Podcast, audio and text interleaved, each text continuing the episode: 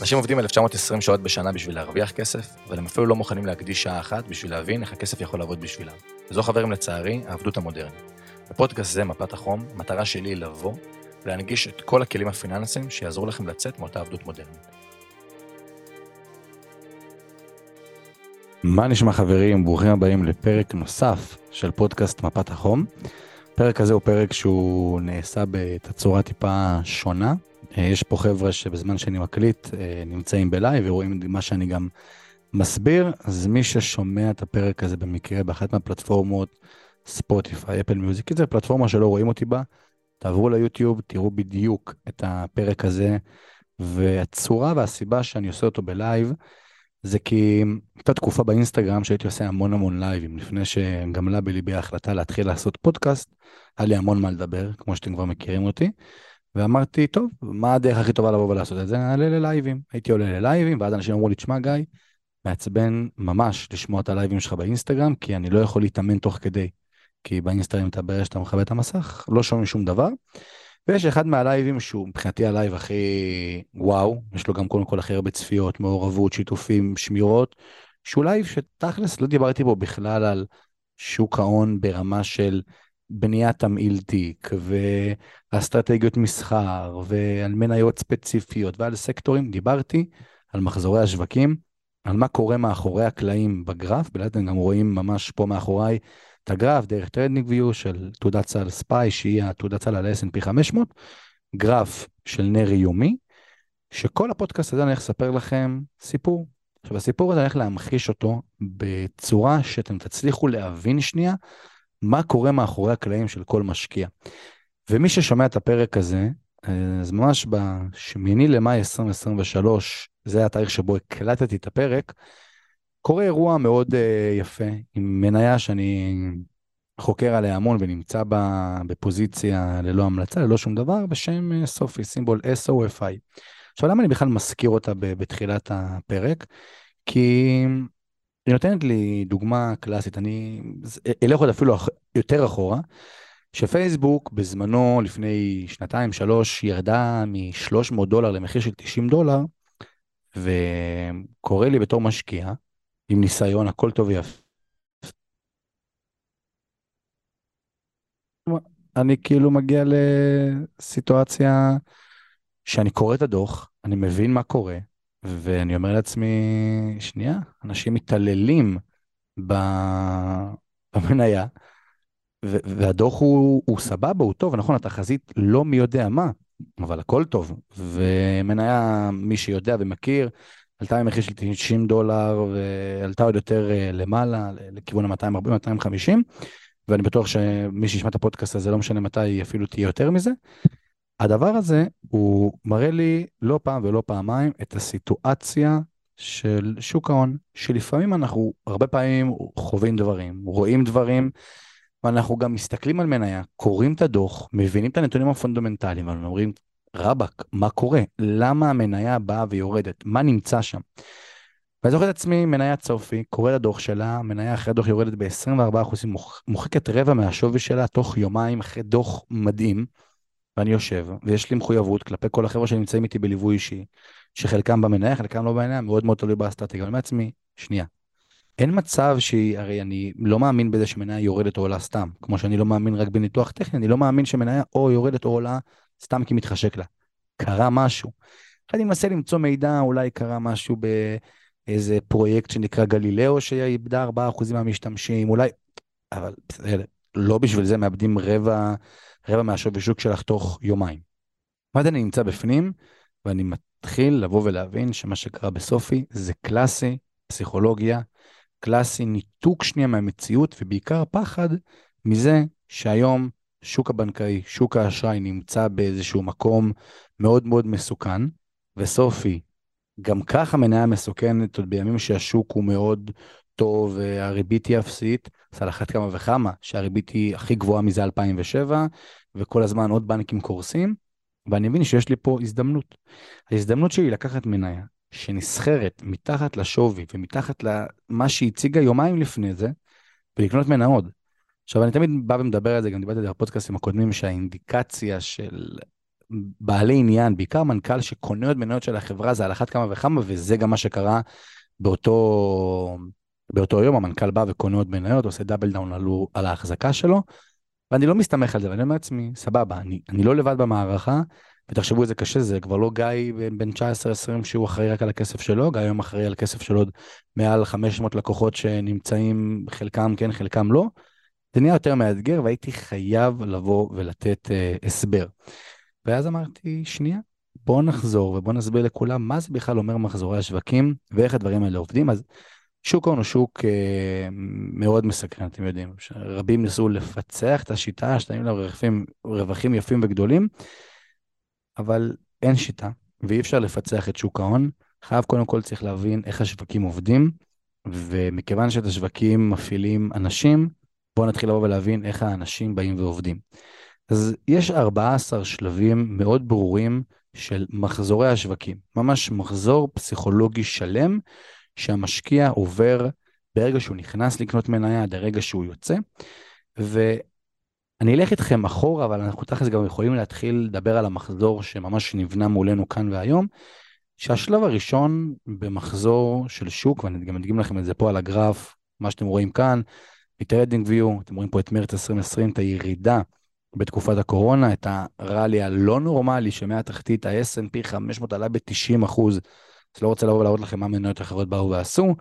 איפשהו באזור ינואר 2022, אחרי שנה וחצי מאוד טובות בשווקים, טיפה אנחנו הלכנו, מה שנקרא, לאחור, השווקים בקריסה מתמדת למטה, אפשר אפילו לראות פה ברמה של 100 שיא לתחתית 27 אחוזים, ומהתחתית עד איפה שאנחנו נמצאים, פלוס 20 אחוז. הדבר הזה מעבר לנתונים פונדומנטליים, שמי שמכיר ויודע ושמע כבר פרקים קודמים, אינפלציה, ריבית, מיתון, איך הדברים האלה ומשפיעים, גם יש את העניין של הפסיכולוגיה, כי את שוק ההון, מי שמפעיל אותו, זה האנשים. בפרק הקודם דיברתי על זה שיש שם גנרי לבחורה שקוראים לה תקווה מפתח תקווה, שבשוק ההון, שהיא בתכלס אותה בחורה שהפקידו לה לקרנות, ויש לה פנסיה טובה, וקופות גמל, והכל אצלה מאוד מאוד טוב. אבל היא רואה חדשות, והיא רואה את קרן מרציאנו, מפרסמת שהשווקים בירידה, והיא פוחדת, אז היא מעבירה את הקופת גמל שלה, את הקרן השתלמות ממסלול כל... מנייתי למסלול כללי, ועצם המעשה הזה היא גורמת לבית השקעות למכור חלק מהמניות, ולשוק ההון לבוא ולרדת, כי רוב הכסף לא נמצא אצלי ואצלכם בחשבונות מסחר, רוב הכסף נמצא אצל קרנות הנאמנות, קופות הגמל להשקעה, קרנות הפנסיה, קרנות ההשתלמות, פוליסת החיסכון, מה לא, שם נמצא הכסף הגדול, המיליארדים הגדולים שבאמת מזיזים את השוק, ואם אני מחליט להזיז את הקופת גמל להשקעה שלי ממנייתי לכללי, אז אני אזיז את זה, ולבית השקעות אין שום זכות לבוא ולהגיד לי כן או לא. אז מחזור חיים של שוק, של שוק ההון, שוק כלכלי באופן אה, בכלל, נתחיל בחוסר אמון. בואו ניקח שנייה תקופת הקורונה, בסדר? אחרי, תחשבו, יש לי ירידה, או אפילו כאן, בואו ניקח, למה תקופת קורונה? בואו ניקח ימי נוען וחלק שעוד לא קרה במחזור החיים הנוכחי של השוק, נחזור לתקופת הקורונה. מה קורה עכשיו? תחשבו, תיקחו כל מי שאתם מכירים שנמצא בשוק ההון, שמע עליו, היה בשנתיים האחרונות, לא משנה מה, הוא נמצא בחוסר אמון. כמה פעמים אני מדבר באינסטגרם שלי על חבר'ה, זמן בשוק, עדיף על תזמון השוק, חלאס אם לנסות תזמן עוד נר פחות נר, וכל אותם צקצקנים שכבר נמצאים עדיין על הגדר ממחשבה שאולי יהיה משהו, ואני לא יודע, יכול שנחווה תחתית חדשה, לא נראה לי, אבל יכול להיות כי אני לא נביא, הפסידו כבר פוטנציאלית 18 אחוז רווח מהתחתית שקרתה ב-13 לאוקטובר 2022. עכשיו, זה לא רק בהאם אני נכנסתי למניה או לא נכנסתי למניה, זה יכול להיות גם ברמה של אני באתי ושמתי את הקופת גמל להשקעה שלי במסלול כללי. והעדפתי לשים פיקדון בבנק, כי תחשבו מה קורה למשקיע, שוואלה, בשיא תקופת הקורונה שם, החליט לפתוח קופת גמל להשקעה, אמר, די, אני לא יכול, כולם מדברים איתי על זה. הכסף היה מיועד לשנתיים-שלוש, הוא בכלל לא מבין איך מתחילים להסתכל על השקעה ומה הטווח, אין לו מושג, אבל הוא שם בקופת גמל להשקעה, כי אמרו לו, תשמע, זה פיק סבבה, כאילו מנייתי, אבל עולה עם הזמן. והוא פתאום חווה את הירידה של 15% בקופות, 10, 12, לא משנה מה, הוא נבהל. כי בבנק מציעים לו 4-5 אחוזי פיקדון, אז הוא אומר לעצמו, וואלה, בוא נשים שם. כי הפרמיית סיכון, בסדר, הדלתא שלי בין מקום, נקרא לזה, הדלתא זה בין נכס פיננסי אחד לנכס פיננסי אחר, ההפרש, זה הפרמיית סיכון שלי. אני אומר, אני משקיע במניות. גם ככה זה אפיק עם סיכון גבוה. יש לי פה אפיק אג"ח, ללא סיכון בכלל, מקבל עליו 4-5 אחוזים פיקדון בבנק, עדיף לי לבוא ולשים את זה שם. אתה היום שוק הון נמצא בתקופה של חוסר אמון, הוא לרוב קורה אחרי שוק דובי, שוק דובי זה שוק יורד. העליות הראשונות שמאותתות על שוק שורי חדש, לא נחשבות אמיתיות. המשקיעים חושבים שעליות ייכשלו. כל מי שנמצא עכשיו, מה הוא אומר? חבר'ה, השוק ירד, כל מי שמאוקטובר עד מאי, נכון, זה 18% בחצי שנה, אבל עדיין אומר לעצמו, בסדר, זה עוד מעט יורד, וכשהוא חווה ירידה, הוא אומר, הנה, הפעם זה הפעם, והוא לא מצליח והוא מפעיל את הרגש שלו. עכשיו, למה כל הפודקאסט הזה נועד? כדי שתלמדו שנייה מה אתם מרגישים ואיך להימנע מזה. שאנשים אומרים לי, תשמע, גיא, אתה אוהב מניות? אין לי אהבה למניות. כאילו אין לי אהבה למניה אחת ספציפית, אני מאוד אוהב את התחום, אבל אין לי אהבה לסופי, לסנופלק, ל-CRM, לשופ... אין לי, אין לי אהבה, אני אוהב לעשות כסף, ואני אוהב את המניה שבאה ועושה לי כסף, ולכן, שמישהו בא ואומר לי, תשמע, אבל אנשים נמצאים בחוסר אמון, אנשים לא מאמינים שהעליות החדשות באמת יחזיקו מעמד, והנה אנחנו באים ונמצאים. עכשיו תיקחו אותנו חצי שנה קדימה, בסדר? אנחנו כבר בפלוס 18 מהתחתית, ואנחנו מתחילים להיות בתקווה, כי אחרי חוסר אמון, הצעד הראשון בפתיחת שוק שורי חדש הוא התאוששות מחירים מהשפל הקודם, ותקווה של המשקיעים שהנה, העליות יחזיקו מעמד. ומי שאוהב גם טכני יכול לבוא ולראות שממש התחתית הקודמת נוצר לי מעין איזושהי תמיכה, התנגדות באזורים האלה. במקרה הזה זה תמיכה כי זה קו אה, תחתון של לונג, אבל זה העניין. תחשבו אותנו בעוד 4-5 חודשים מהיום, השוק ממשיך לדשדש, עלייה ירידה, עלייה ירידה. אנשים מתחילים להיות במקום של תקווה. עכשיו, אחרי התקווה הזאתי, אנשים מתחילים לבוא ולהיות פתאום אופטימיים. תיקחו, הנה זה, אנחנו עדיין לא בשלב הזה, אז אני אחזור שנייה תקופת הקורונה. יש לי פה ירידה בתשעה שבועות של כמעט 30 אחוז. בואו נעשה ככה, זה הנה 22 נרות, כמעט אה, אה, חודש שלם, שוק הון מתרסק למטה, הוא עולה, ובאזור האזורים האלה, איפה שאני חווה מימושים ראשונים, פה זה נהיה בין חוסר האמון לתקווה לאופטימיות. עכשיו, באופטימיות, מאוד מאוד פשוט, השוק הון מתחיל לתפוס מגמות גבוהות יותר, ומחזורי המסחר זה האינדיקציה ברמה הגרפית, שמחזורי המסחר מתחילים לעלות ברמה מינורית, אנחנו פתאום רואים ווליומים טיפה יותר גבוהים. ניתן גם לראות את הווליומים באזורי מרץ-אפריל 2021, שנה לאחר מכן מתחילים להיות טיפה יותר גבוהים. אם נסתכל, אזור ה-113 מיליון, אני מסתכל כאן מצד שמאל למעלה על הווליומים, אזור ה-113 מיליון, 140 וזה, שלפני זה זה היה 46, 47, 35, כמעט פי 3, פי 4 במחזורי כי אנשים מתחילים להיות אופטימיים, אנשים אומרים, הנה, עכשיו זה עכשיו. אחרי האופטימיות מתחילה להגיע האמונה. האמונה שגם אותם הספקנים הכי גדולים שיש, באים ואומרים, אנחנו באמת מאמינים שהפעם זה הפעם, השוק השורי בדרך לעלייה, ומחזורי המסחר מתחילים להיות בצורה משמעותית ביותר. עכשיו, בין האופטימיות לאמונה, לתקווה, זה רגשות שהם מאוד מאוד דומים בתחושה שלנו. אני יכול מצד אחד לבוא ולהתרגש, מצד אחד להיות אופטימי. אז זה די אותו מחזור, אבל בצורה טיפה יותר מתקדמת. אחרי האמונה, משהו שמאוד מאוד אפשר לראות אותו בסביבה, ואני גם אספר לכם מאיפה בכלל התחיל הרעיון לדבר על מחזורי השווקים, זה עניין הריגוש. פתאום, אתם זוכרים את אותם אנשים שחשבו לעצמם, וואו, שנייה, אני עובד בעבודה בתור מלצר או מלצרית, אני עושה בערך למשמרת 800 שקל, אני יודע לבוא ולעשות 800 שקל בשוק ההון, כי כפרה על שוק ההון מאפשר לי את זה, הכל טוב ויפה. וואלה, אני, אם אני אעשה כל יום 100 דולר, או 200 דולר, אבל יש לי חמישה ימי מסחר בשבוע, 500 דולר בשבוע, וואו, אני עושה 2,000 דולר בחודש משוק ההון. פתאום זה נשמע ונראה מאוד מאוד קל, ואנשים הופכים להיות הרבה יותר קולניים, נקרא לזה ככה, בנוגע לשוק ההון, ואיך הוא בא אה, לידי ביטוי. פתאום אנשים מתחילים להיות באופוריה. האופוריה מגיעה עם שיא ששובר שיא, ששובר שיא, ששובר שיא, וכולם נהיים גאונים. מה הדבר הכי מסוכן ברגע הזה, באופוריה? שאנשים מתחילים לחשב קדימה איזה תשואות או איזה סכומים הם יעשו על סמך תשואות עבר. הם אומרים, וואו, עשיתי אחוז אחד ביום, יש לי תיק של עשרת אלפים שקלים, בוא נעשה במחשבון ריבית דריבית, פתאום הכל נראה הרבה יותר הגיוני, כי מה זה אחוז ביום? המדד המרכזי עולה ב-90 אחוז בשנה וחצי. אז מה זה כאילו לבוא ו- ולעשות אחוז אחד ביום? זה נשמע כאילו מאוד מאוד פשוט וקל. ואז אנשים נהיים שאננים. השאננות היא לפי דעתי המחלה המרכזית, כי המשקיעים לא מאמינים, ואנחנו כבר מתקדמים פה לאזורי ספטמבר 2021, משקיעים לא מאמינים שהמחירים הגבוהים האחרונים בפסגה הם היו הסוף של הריצה, והם אומרים שהירידה הקטנה זה רק נסיגה כלפי all time high. מי שרוצה, אני אחרי זה אשלח לו, אחרי הפודקאסט הזה אשלח לו דף הפרטי באחד מהפלטפורמות שהוא רואה אותי פעיל, אני אשלח לו תמונה של הכמות פעמים שה-S&P 500 שבר את השיא שלו, של ה-all time high, זה נקרא ATH, כל פעם מחדש, בשנת 2021, שנת 2020, שנים לא נורמליות, ואנשים נהיים שאננים. ואז הירידה הזאת שקורית בשוק, היא הירידה שבערך שבועיים שלושה, אנשים אומרים, סבבה, זוכר את ההוא שדיבר איתי על אסטרטגיית מיצוע? אין לו מושג מה זה מיצוע, הוא לא יודע, הוא לא יודע מה זה אומר מיצוע, הוא מבחינתו, הוא לא, הוא, הוא, הוא, הוא, לא, הוא לא קולט את זה. ואז הוא אומר, וואלה, בוא, בוא נקנה. מה הדבר הכי גרוע שקורה? שכל הדבר הזה מביא אותנו לכדי משהו עוד יותר גרוע, שאנשים פשוט נהיים בתקופה של חרדה.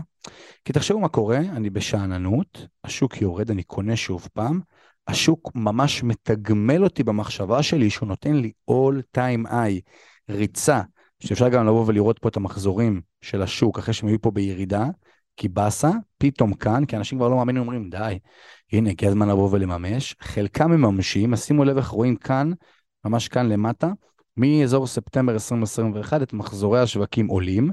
בשיא העלייה, שיש חוסר אמונה מוחלטת, זה מנת של מחזור שוק קטן, מחזורים יורדים בצורה דרמטית לאזור ה-50 מיליון, ושאנחנו נמצאים בשיא עוד פעם, ואז הם נהיים בחרדה.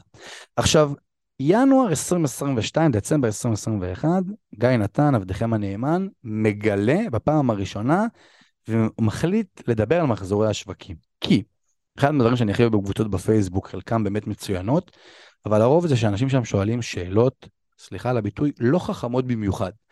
ואני יושב בבית, בדצמבר 2021, ינואר 2022, ורואה את ההודעות הבאות בקבוצות בפייסבוק. תגידו, מישהו יודע למה שוק ההון לא בא ועולה היום? תגידו, למישהו יש מושג למה אפל לא, לא עולה עוד 2% למעלה? תשמעו, אני במינוס 10% על הפ... אנשים, אתה פתאום גם רואה, אנשים נכנסו למניות במחירים כאילו חברה, צפי שלה להיות רווחית עוד 10 שנים, אין לה בכלל מכפיל, מתומחרת בפי 400 על הרווחים שלה, דברים שאתה אומר הזוי. עכשיו תשימו לב מה קורה. מי שזוכר, 2021 זה היה באמת הפריצה של עולם שוק ההון, עולם התודעה הפיננסית למדיה החברתית, וכולם רצו לטכני. למה?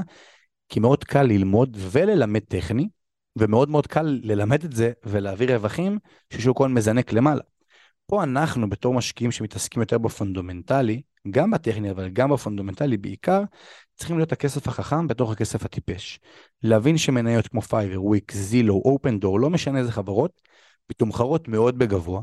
אני לא אומר לא, לא לחגוג על זה, לחגוג על זה, באבו אבו לחגוג על זה, לעשות מזה את הרווחים של החיים שלכם, אבל לדעת שאתם נמצאים במקום שהאש עוד שנייה סוגרת עליכם. תיזהרו, כי לרוב מי שנמצא שם, בגלל זה אני גם, אחד מהאינדיקציות הכי גדולות שאני עושה לפני כניסה למניה, זה לבדוק בעלי עניין מוסדיים, כמה אחוז הם מחזיקים במניה, כי כשיש לי הרבה כסף טיפש, הוא מונע ממניפולציות, הוא מונע מחששות, מפחדים, מהמון המון דברים כאלה. אז כשאני רואה שאלות כמו, אה, חבר'ה, מישהו יודע למה שוק ההון לא בא ועולה, מישהו יודע למה הדבר הזה לא בא וקורה, אני מבין שאנשים נמצאים בחרדה. נמצאים בחרדה כי אותו נער או נערה או גבר או אישה שאמרו שהם עושים 800 שקל או 500 או 100 דולר יומית משוק ההון והתחילו כבר לחשב קדימה מתי הם קונים את הדירה הראשונה שלהם באחוז אחד יומי, פתאום לא מבינים מה קורה, פתאום שוק ההון נמצא להם בסיטואציה שתשימו לב מה, מה, מה קורה פה. במשך 45 ימים, אפילו יותר 50 ימים, חודש וחצי, כמעט חודשיים, שוק ההון לא עולה, לא יורד, הוא יורד, עולה, יורד, עולה, אבל בדמות של 50 יום, אני נשארתי סטטי, אני מדשדש. ואז מה קורה? קורה האירוע הכי יפה, או תלוי באיזה פוזיציה אתה נמצא, ששוק ההון מתחיל לרדת למטה. ואז האנשים איפה נמצאים? ברמה של הכחשה. שוק ההון, המשקיעים, תחשבו אתכם, אם היה לכם, קונים מניה ששמעתם באיזה פודקאסט, באיזה קבוצה, באיזה דיסקורד, אתם, ביניכם לבין תמחור מניה אין קשר, ואתם אומרים, תשמע, וואי, יש לה טכנולוגיה, יש חברה נקראת טוק. הסימבול שלה, כמו ששומעים, TALK, וחברה שמתמחה בטיפולים פסיכולוגיים דרך האונליין. תקופת קורונה, שהקורונה נראית איתנו כאילו היא פה לעוד 40 שנה, אנשים אומרים, וואי, זה מניה. לכו תבדקו בסימבול, מי ששומע את הפרק, מה קורה במניה היום, תבינו שנייה איפה היא באה והיא נמצאת ואיפה היא באה והייתה. ואז אנשים נמצאים בהכחשה. משקיעים מחליטים פשוט להישאר בשוק, מכיוון שהם חושבים שהם מחזיקים בהשקעות טובות לטווח ארוך, על אף שהם בכלל התכוונו להחזיק באותן השקעות לטווח קצר. זה בא לידי ביטוי ברמה הכי פשוטה שיש, תעזור לכם לבוא ולהבין, שהמשקיעים אפילו לא נכנסים לפלטפורמות מסחר שלהם, ומה הם אומרים? לא, זה מיועד לטווח ארוך. כאילו, מלכתחילה באתי ונכנסתי, הרי מה קורה לכל משקיע שנכנס לטווח קצר? המניה לא הולכת לו, אז מה הוא חושב? שהזמן יעשה את שלו. לרוב זה באמת עושה את שלו בשוק ההון, כנראה שלא, אם נכנסת למניה בתמחור מאוד מאוד גבוה. אז הם אומרים לעצמם, אתם יודעים כמה משקיעים, אני בתקופה הזאת באתי ונפגשתי, ואתה אומר לו, אח שלי יקר, המלצה קטנה שלי, אנחנו פה בחדרי חדרים, תממש את המניה, היא לא תגיע למחיר הזה שוב פעם. הוא אומר לי, לא, תשמע, זה בכלל לטווח ארוך, אני משקיע בביונד מיט בכלל לחמש שנים. אני אומר לו, אם אתה בטוח שאתה משקיע בה לחמש שנים, וואלה, כפר עליך לפחות תמצע. הרי מה אומר לי עניין המיצוע? אני טיפה זולג שנייה במחזורי השווקים. אם אני קניתי מניה במחיר של 100 דולר, מניה אחת. המניה ירדה לי 10% למטה, ועכשיו היא במחיר של 90 דולר. משמע אני במינוס 10% על הפוזיציה. הרבה מאוד מהמשקיעים במקרה כזה לא מגיבים. אומרים, טוב, לא, לא, הם, הם לא יודעים בכלל איך לבוא ולהגיב, ואז מה קורה? אני אומר דבר כזה, אין לי סיכוי שתהיה לי מניה בתיק שאני לא מגיב אליה, בסדר? בהבנה. או שאני מוציא אותה מהתיק, או שאני קונה עוד. למה? כי אם המניה נמצאת במחיר של 90 דולר, אני מינוס 10 אחוזים, והיא עדיין בתיק שלי, אני במילים אחרות אומר לגיא, תשמע גיא, אתה מאמין שהמניה תגיע מתישהו למחיר של 100 דולר. אחרת אין סיבה שתהיה בתיק שלי, אם אני לא מאמין שתגיע למחיר של 100 דולר, ואני מאמין שאני אהיה עליה בהפסד כל החיים, אין לי מה שתהיה בתיק שלי. ואז אם אני מאמין, אז בוא נקנה אותה שוב פעם, במחיר של 90 דולר, ואז מה יקרה למחיר? הוא יצטמצם, בלשון המילה מיצוע, ממוצע. אם אני לא מאמין שתגיע למחיר של 100 דולר, אז בוא נעיף אותה מהתיק וניקח אלטרנטיבה אחרת. אבל אני לא יכול להכחיש מניה בתיק שלי, כי אני לא יודע מה לבוא ולעשות איתה. אם הגעתם למצב שאתם שומעים את הפרק הזה, ויש לכם מניה בתיק, ואתם לא יודעים מה לעשות איתה, תעשו חישוב מסלול מחדש, ותבינו איפה טעיתם בדרך.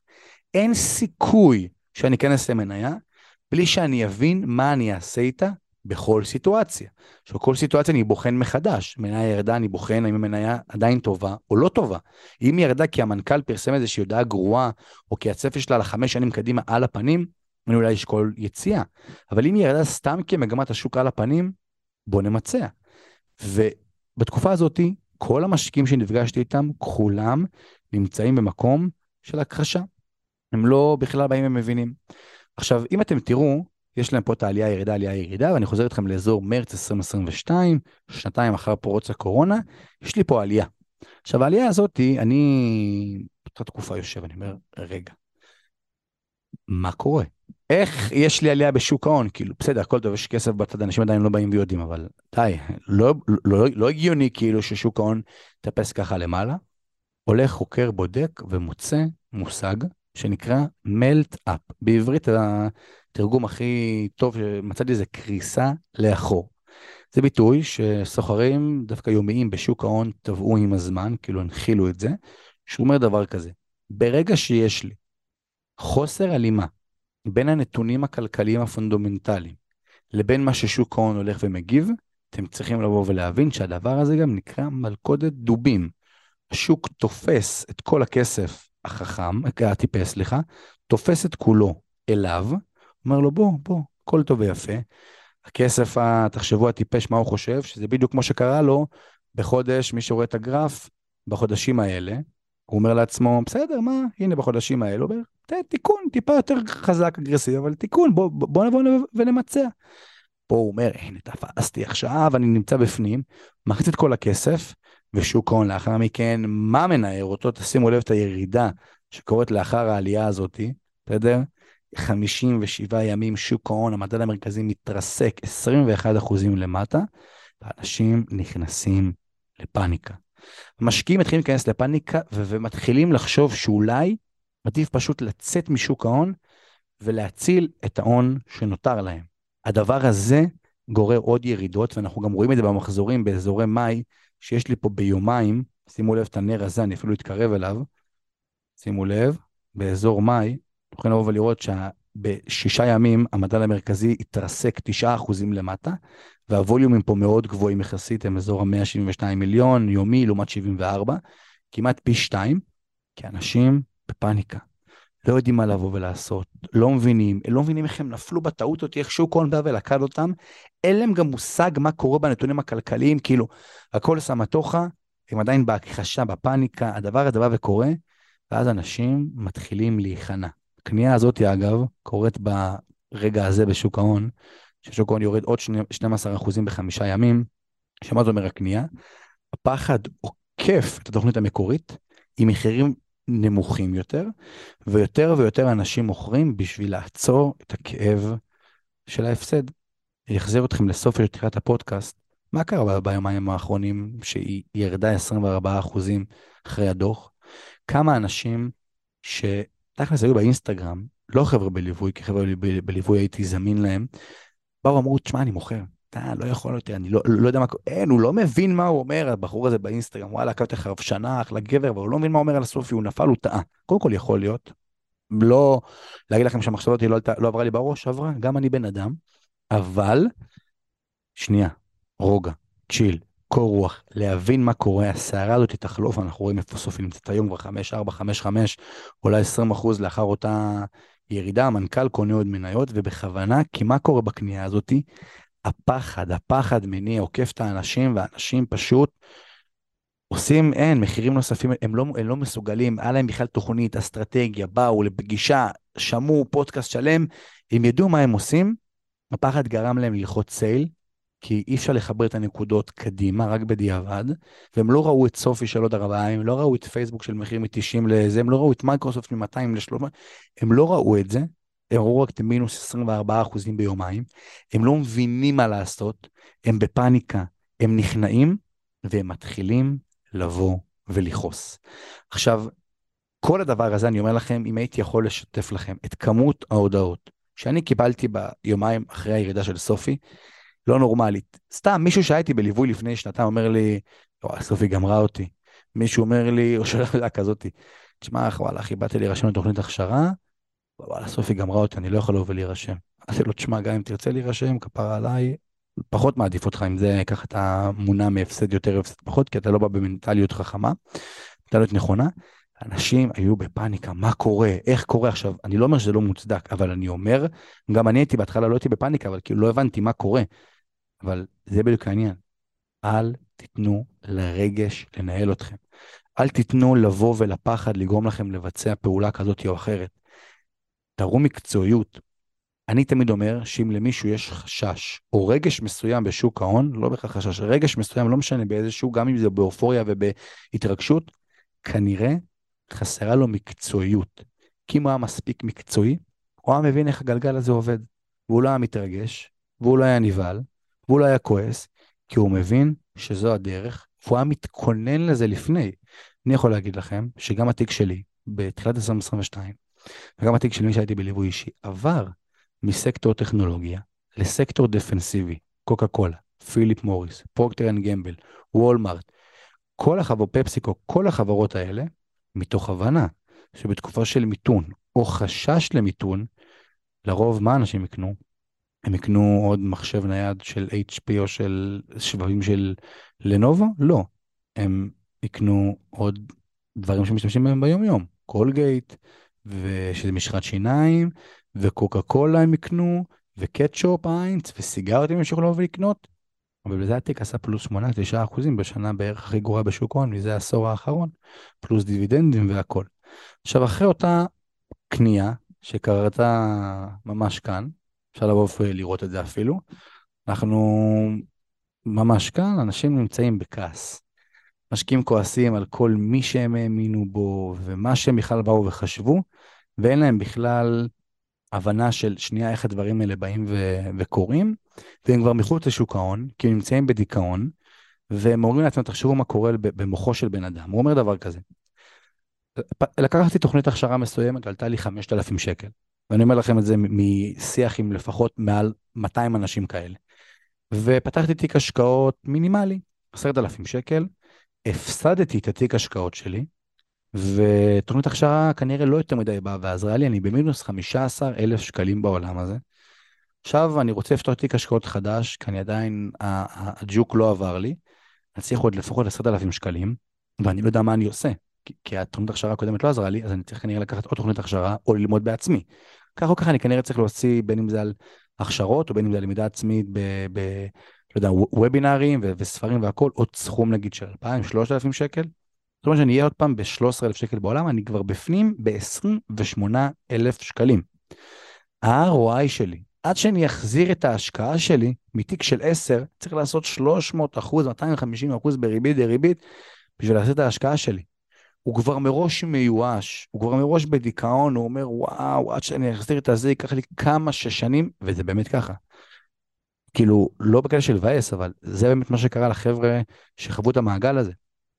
עד שהם יגיעו לרמת ההחזר כספים, שהכל טוב, זה שכר לימוד, וגם אני בתחילת דרכי הפסדתי 60 אלף שקל, וברוך השם החזרתי אותם פי כמה וכמה והכל טוב, לא סוף העולם. אבל זה מבאס, כי היה אפשר לבוא ולהימנע מזה. ואז מה קורה אחרי דיכאון? אתם רוצים ספוילר קטר? קצר, קטן? חוסר אמון. זוכרים את ה... איך מתחיל שוק דובי חדש? איך מתחיל אצלך שוק שורי חדש? חוסר אמון, כמו שאמרתי בהתחלה, להכניס חוויית שוק דובים, העליות הראשונות לשוק שורי חדש, לא נחשבות אמיתיות. המשקיעים חושבים שהעלייה תיכשל והשוק יחזור לשפל. זוכרים איך התחלתי את הפודקאסט, מה אמרתי לכם? איפה אנחנו נמצאים עכשיו ב-8 למאי 2023? בחוסר אמון. אנשים לא מאמינים, המדד כבר עלה 18 אחוזים, והם עדיין לא בתוך שוק ההון. הם עדיין לא מאמינים.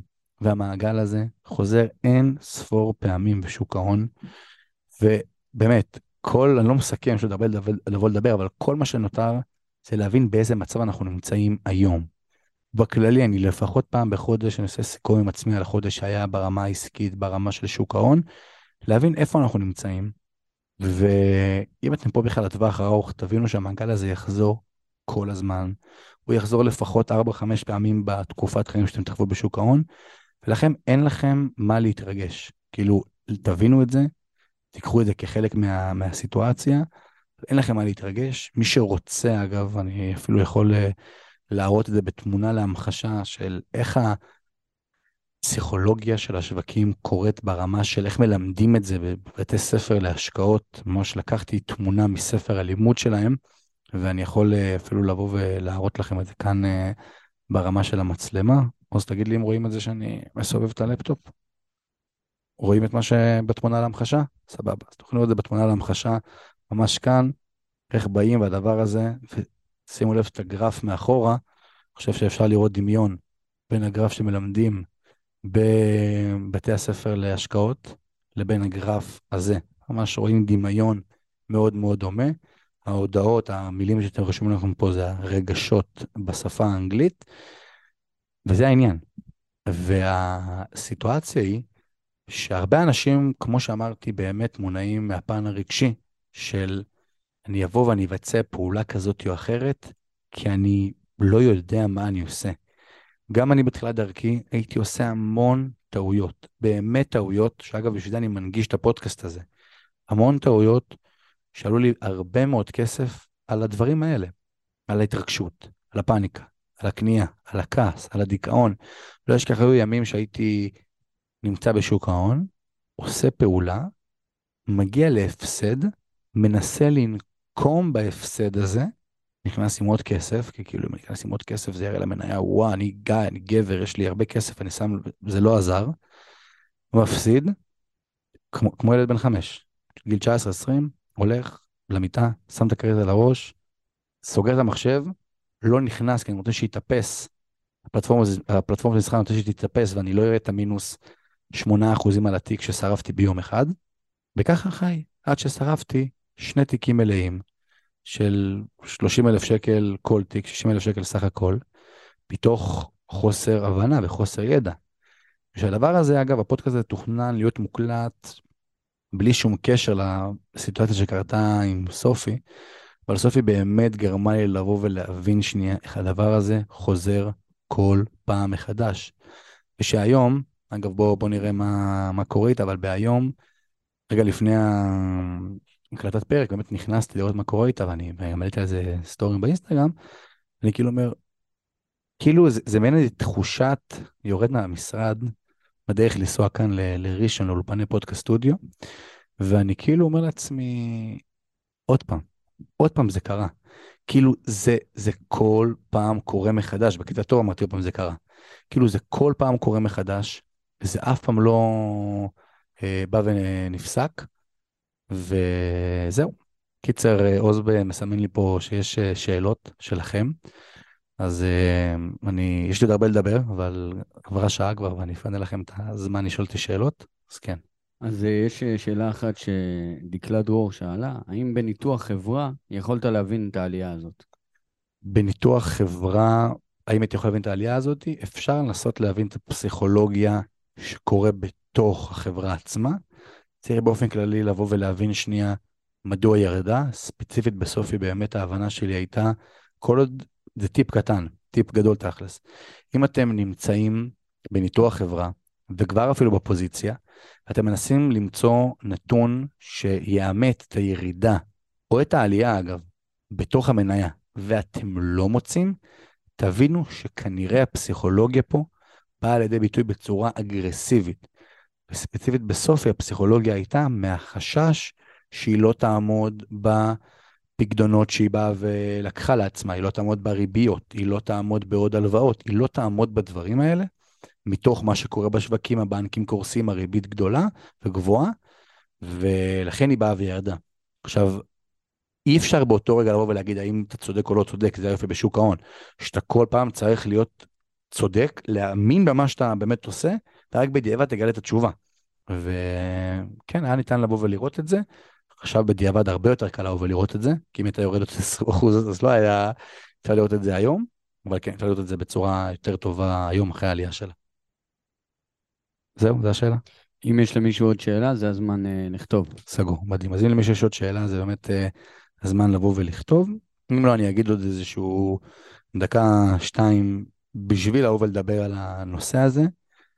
אני הרבה פעמים לא מסתכל על הפסיכולוגיה, אני גם חושב שזה בניתוח חברה ובלימוד שוק ההון, צריך פחות להתייחס לזה בלימוד עצמו. החלק הכי מרכזי זה הפרקטיקה והניסיון, ולכן כל פעם שגם מגיעים אליי אנשים, אני שואל את עצמם, אותם כבר בפגישה הראשונה, חבר'ה, שאלה לי, קודם כל, למה הגעת? ואני כבר אומר לך מראש, אני בן אדם שאוהב פרקטיקה, אני בן אדם שאוהב ללכת עקב בצד אגודל עם התיאוריה. כי לדבר רק תיאוריה, וואלה, באמת די, מאסנו, מאסנו, הנה, אני, אני באמת, כאילו, הרשת מפוצצת בתיאוריות של איך ומה ולמה וכמה, ואגב, זה אחת הסיבות העיקריות שבאמת הפודקאסט הזה, הכמות ההאזנות שלו היא בלתי נורמלית, והוא באמת, אבל אין הנחתום עמיד על עיסתו, אבל הוא באמת פודקאסט איכותי, כי בוא נדבר פרקטיקה, בוא נראה איך הדבר הזה בא וקורה, והנושא של הפסיכולוגיה זה ניסיון. למה? כי גיא שלפני 4, 5, 6 שנים לא היה מסוגל ברמת ההבנה שלו בשוק ההון, להבין שהדבר הזה באמת יכול לבוא ולקרות. הוא לא מצליח להבין. כאילו, לא הייתי ברמת תודעה השקעתית, הבנתית, כדי להסביר את מה שקורה כאן. היום, ברוך השם, אני נמצא ב, ב, במקום הזה, אבל זה כי צברתי ניסיון וקילומטראז' בשוק ההון, כי חוויתי וראיתי והבנתי מה קורה. ומשהו קטן אחרון לכל אותם אנשים שחושבים שזה או שחור או לבן. אני אישית חושב ששוק ההון, הסקאלה היא מאוד רחבה, יכולה להיות מסוחר יומי למישהו שפעם הבאה שהוא יראה את הכסף שלו זה בגיל 67 בפנסיה. כולנו על הסקאלה, כי חוק פנסיה זה חוק חובה. אבל בתוך הסקאלה הזאתי לא חייב להיות על שוק ההון כל יום. כמו שלצורך דוגמה, אני מאוד אוהב ספורט, כדורגל, כדורסל, והנה אני מהפו, מהפרק של הפודקאסט הזה, אני הולך ורואה משחק כדורגל, זה חלק מהחיים שלי. זה חלק אינטגרלי שאני נמצא בו, ספציפית שוק ההון זה המקצוע שלי, אז אני כל היום נושם וחי אותו, אבל מי שזה לא המקצוע שלו, חבר'ה, תלמדו להתאים את עצמכם לתוך השוק. השוק לא יתאים אותו אליכם. אתם לא יכולים להיכנס למניה שהבטא או הוולטיליות שלה זה, הבטא זה 0.93 ולצפות שתעשה מעל המדד, זה לא אפשרי. אז אל תצפו לבוא ואני עכשיו אגרום לשוק, לא, שנייה, תבינו מה אתם, תיקחו את המניות המתאימות, תיקחו את האופי השקעה, את התמיל תיק שמתאים לכם, ותשקיעו, וכן, תבינו שאם אתם רוצים טיפה יותר להרוויח אחוזי תשואה, אתם כנראה צריכים טיפה יותר לבוא ולהתעסק. וזה בסדר וזה סופר בוגר לבוא ולהגיד, זה הגבולות גזרה שלי. אפשר לבוא ולשנות אותם כל הזמן, אבל זה בסדר גמור.